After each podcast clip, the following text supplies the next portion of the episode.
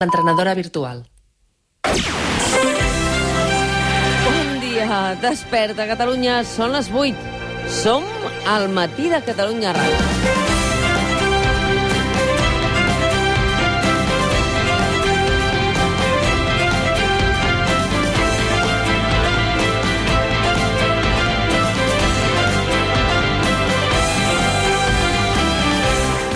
Explicarem com començarà el curs escolar aquest 14 de setembre, escoles obertes, assistència diària de tothom, amb limitacions, amb prevencions i amb interrogants i incerteses.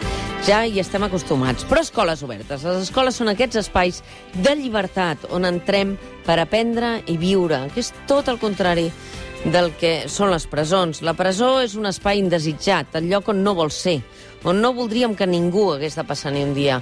Allò que ens fa persones és no desitjar als altres que passin ni un dia mancats de llibertat. Per què el desig de venjança sempre condueix la societat a buscar el càstig com a resposta al crim? I això quan existeix delicte, que no sempre existeix el delicte.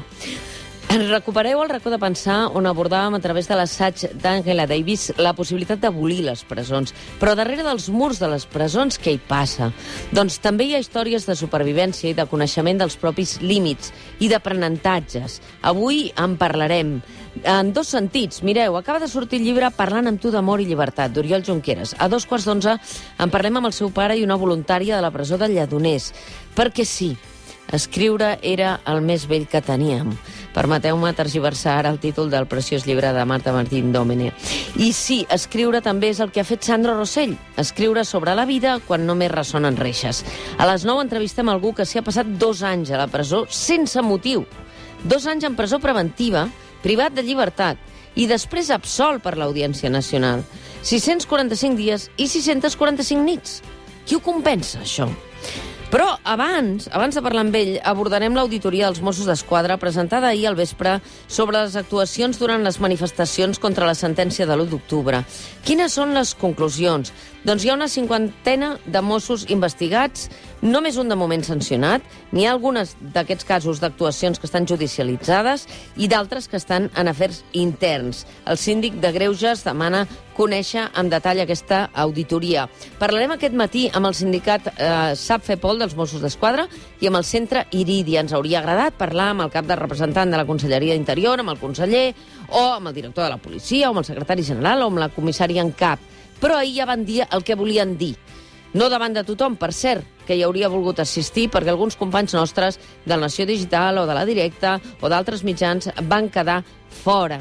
En qualsevol cas, suposem que el que faran és la accountability, que és el que en diem en política anglosaxona, la responsabilitat de retre comptes, és perquè ho deuen voler fer davant del Parlament de Catalunya, davant de tots els representants electes, aquesta auditoria que ells diuen que és la més gran que s'ha fet mai a Mossos d'Esquadra.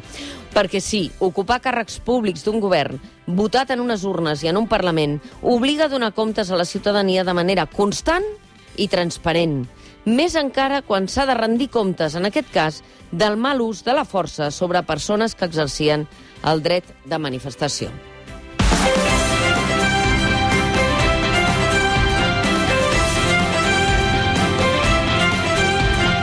Des d'ara fins a la una som amb vosaltres perquè passi el que passi, volem que aquest sigui un bon dia. El matí de Catalunya Ràdio, amb Mònica Terribas.